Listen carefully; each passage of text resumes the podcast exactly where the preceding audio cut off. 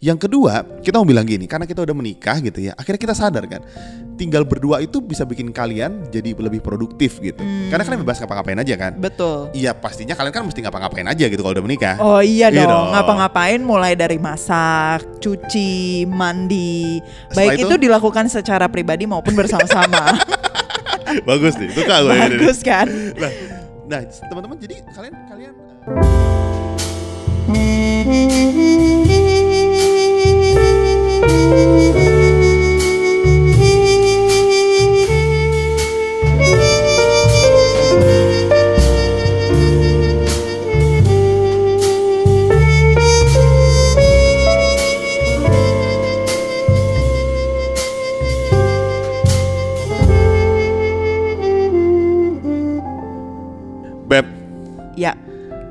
hari ini aku mau menyebutkan judul topik podcast kita. kan judul topik podcastnya udah bisa orang baca di judulnya. Benar. tapi tapi aku tetap mau ngomongin. Jadi gini, jadi gini. Teman-teman, hari ini kita akan bicara hal yang di luar dari topiknya Pilotok ID. Oke, Gitu. apa itu? Beb, dengerin baik-baik ya. Hari ini kita akan ngobrol tentang makro prudensial. Kenapa kita harus peduli stabilitas sistem keuangan? Gila. Berat banget. Kamu udah latihan berapa lama supaya bisa lancar gitu ngomong? Udah dua minggu sih. Eh, tuh, Kenapa pilih topik yang absurd banget, Beb? Jadi gini, banyak orang pikir kita kan selalu bahas hubungan relationship, insecure, berantem suami istri. Mm-mm. Tapi orang tuh nggak nggak pernah nggak pernah lihat deep down di balik itu. Oh, Mung- orang orang nggak pernah ngelihat kalau kita bisa intelektual juga. Mungkin ya itu juga. Tapi yang kedua mungkin gini, mungkin orang-orang yang DM gitu atau yang baca kita punya status, kita punya story, mereka cuma nanya kita berantem di rumah tangga nih gitu. Hmm. Mungkin mereka nggak tahu bahwa rumah tangganya tidak stabil secara ekonomi. Oh, Ma- makanya- fondasinya kurang kokoh. fondasinya kurang kokoh. Uh-uh. Makanya yang orang hanya tangkep eh, eh kita kita eh, kita berantem nih gitu. Ya, ini pasti suaminya nggak sayang sama istrinya, bisa Hmm, gitu kan atau hmm. ini hubungannya nggak terlalu Eh, baik atau nih. ada orang ketiga gitu. Iya. Padahal sering kali kestabilan ekonomi itu mempengaruhi hubungan suami istri. Wes. Dan dan hubungan suami istri yang terganggu mempengaruhi pertumbuh kembang proses pembuatan bayi. Jadi Oh, dan ya. tumbuh kembang bayi itu sendiri juga. Iya. Uh-uh. Jadi kalau misalnya hubungan suami istri terganggu, probabilitas membuat bayi lebih kecil. Oh iya, jadi dong. kenikmatan dalam pernikahan itu juga terganggu. Betul. Jadi sebenarnya topik ini nggak absurd-absurd banget. Enggak juga. Uh-uh. Ber- berarti berarti sebetulnya gini, berarti sebetulnya gini. Bicara makro prudensial, kenapa kita harus peduli stabilitas sistem keuangan untuk memproduksi keturunan yang baik dan benar? Bisa, Iya dong. bisa, benar. Itu kan benar. lebih relate sama Benar, benar. kan. Kamu ternyata pinter banget ya, Beb. Iya kan udah dua minggu, Oh, iya, nyampe udah topik ini, riset. udah riset. udah riset.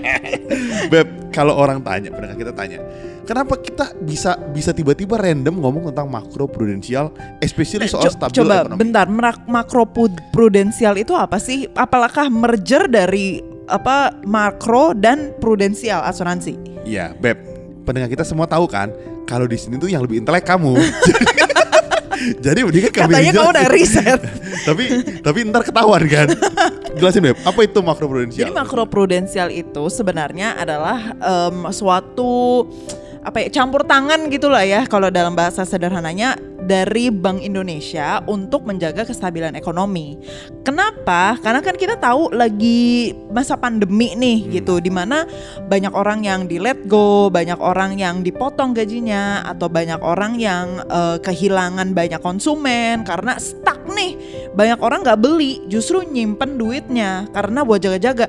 Sampai kapan ini pandemi akan berakhir? Sampai kapan gue bisa survive dengan em, apa gaji segini gitu kan? Nah makanya Bank Indonesia turun tangan.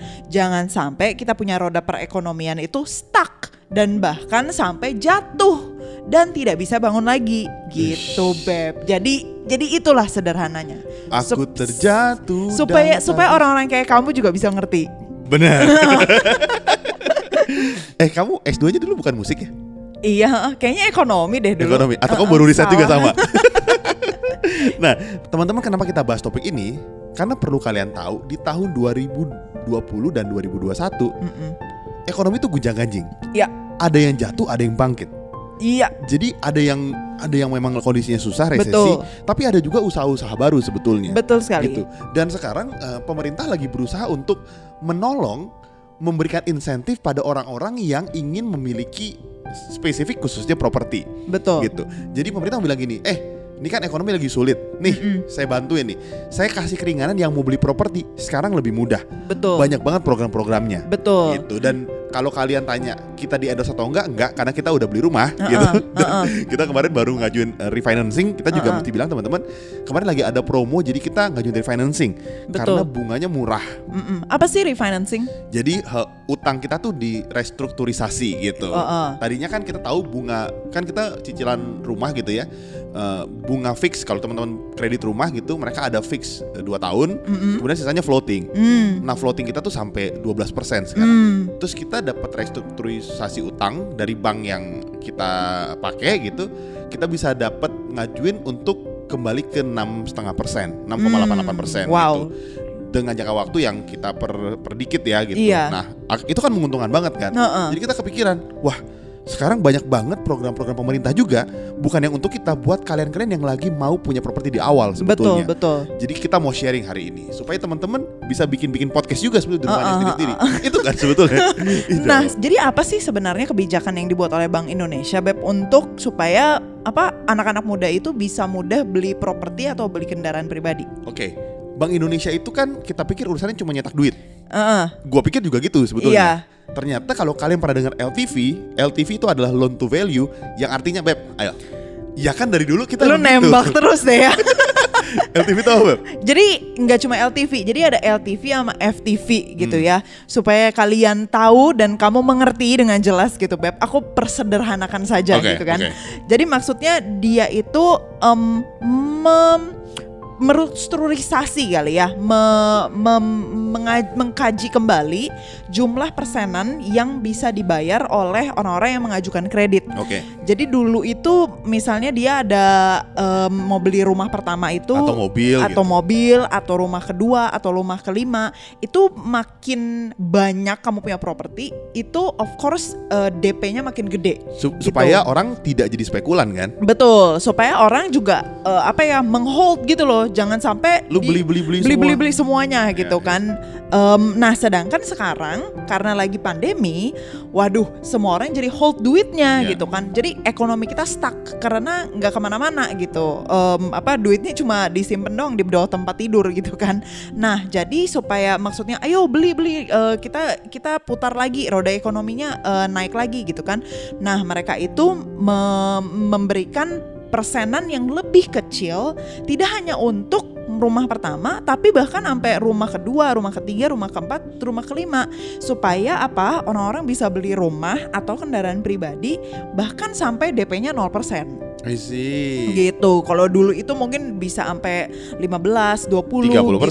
Heeh, sekarang diganti semua, bisa 100% cicilan. Iya. Jadi DP-nya 0%. Tapi itu kan ada syarat tertentu sebetulnya. Betul dong. Jadi ada syarat tertentu banknya sehat, debiturnya sehat Betul, gitu. Jadi iya.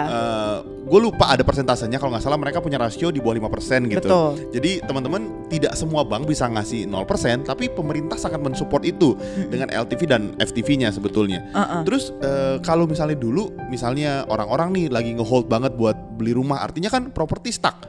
Terus kemudian kan eh, orang-orang yang kerja di dunia properti juga stuck, mereka nggak jadi bekerja. Exactly. Ekonomi tidak berkembang. Exactly. Pemerintah dorong, eh ayo ayo nih, gua kasih support nih, ayo lu bisa dengan eh, 0% bisa beli rumah pertama nih gitu. Betul, betul. Jadi kita bilang, wah karena kita juga persis baru kemarin minggu minggu lalu Uh-uh, kali, uh-uh. kita baru tanda tangan akad restrukturisasi utang, Heeh. dapat lihat program ini, wah mari kita bawa program ini kan. Heeh. Nah, cuma cuma mungkin kita perlu eh, mundur lagi. Kenapa sih orang-orang kayak kita nih yang kecil gitu ya, kita eh, belum kayak Bill Gates atau Elon Musk atau Kayaknya- ya yang yang apa kayaknya belum akan juga belum belum nyampe semiliar pun gitu loh Hmm. dalam eh, gaji dalam satu tahun gitu. Tapi kok bisa penting banget untuk menggerakkan roda ekonomi, Beb? Oke, Beb, jadi da- aku jelasin dulu. Dalam sistem keuangan tuh ada empat bidang yang memegang peran penting.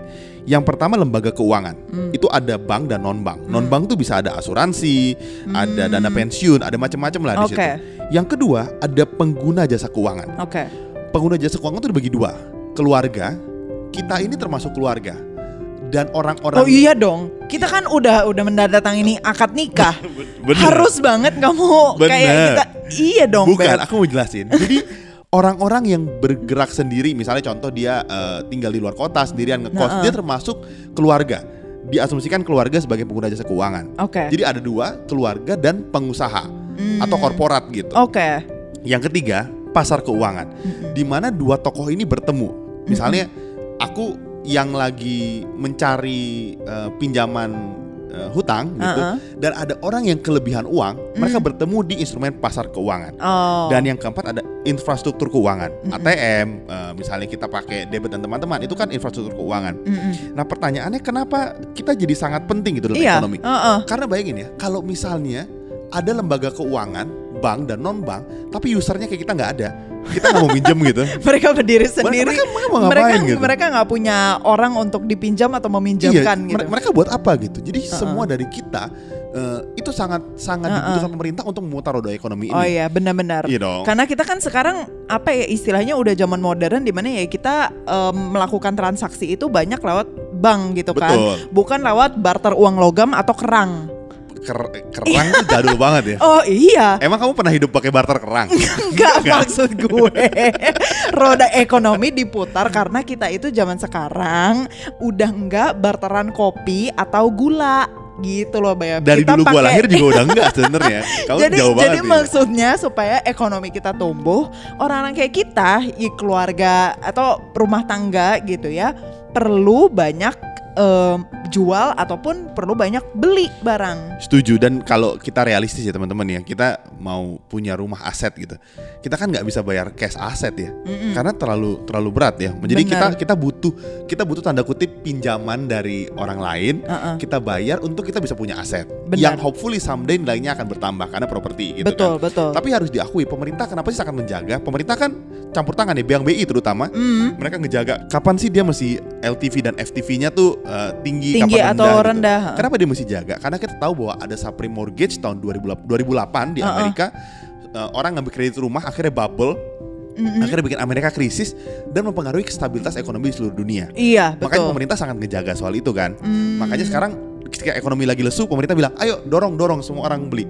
Nanti mungkin kebijakannya someday akan berubah. Hmm. Oke. Gitu. Makanya eh, pemerintah ngeluarin kebijakan ini sampai Desember 2021. Oke. Gitu. Karena nanti ketika nanti ekonomi pulih, tiba-tiba orang semua beli, harga rumah jadi bubble kan? Iya. Tiba-tiba properti jadi Langsung membeludak, ditahan. Langsung, iya orang nggak bisa beli lagi. Betul gitu. betul. Makanya pemerintah nih lagi banyak kasih insentif, makanya kita sampai bahas kan. Betul betul. Jadi buat teman-teman eh, ini loh saatnya kalau ditanya dari segi ekonomi ya. Nah, Gitu. nah, tapi aku pengen nanya deh. Ya. Em, kita kan lagi masa pandemi nih. Hmm. Kenapa sih penting untuk kita bisa beli rumah ataupun perlu beli kendaraan pribadi gitu loh? Di mana ya oke lah lu udah kasih gua DP 0% cuma maksudnya em, gimana ya why, why does it matter to me gitu loh yang gue lagi nyimpen duit ataupun lagi lagi kurang bahkan Jadi teman-teman tahu kan, properti itu kan jadi salah satu aset investasi yang nilainya terus bertambah gitu. Hmm. Harus kita akui ya, mesti pilih-pilih juga asetnya gitu. Iya. Ada yang tiba-tiba harganya turun. Betul. Tapi mostly memang properti punya kenaikan harga yang stabil gitu.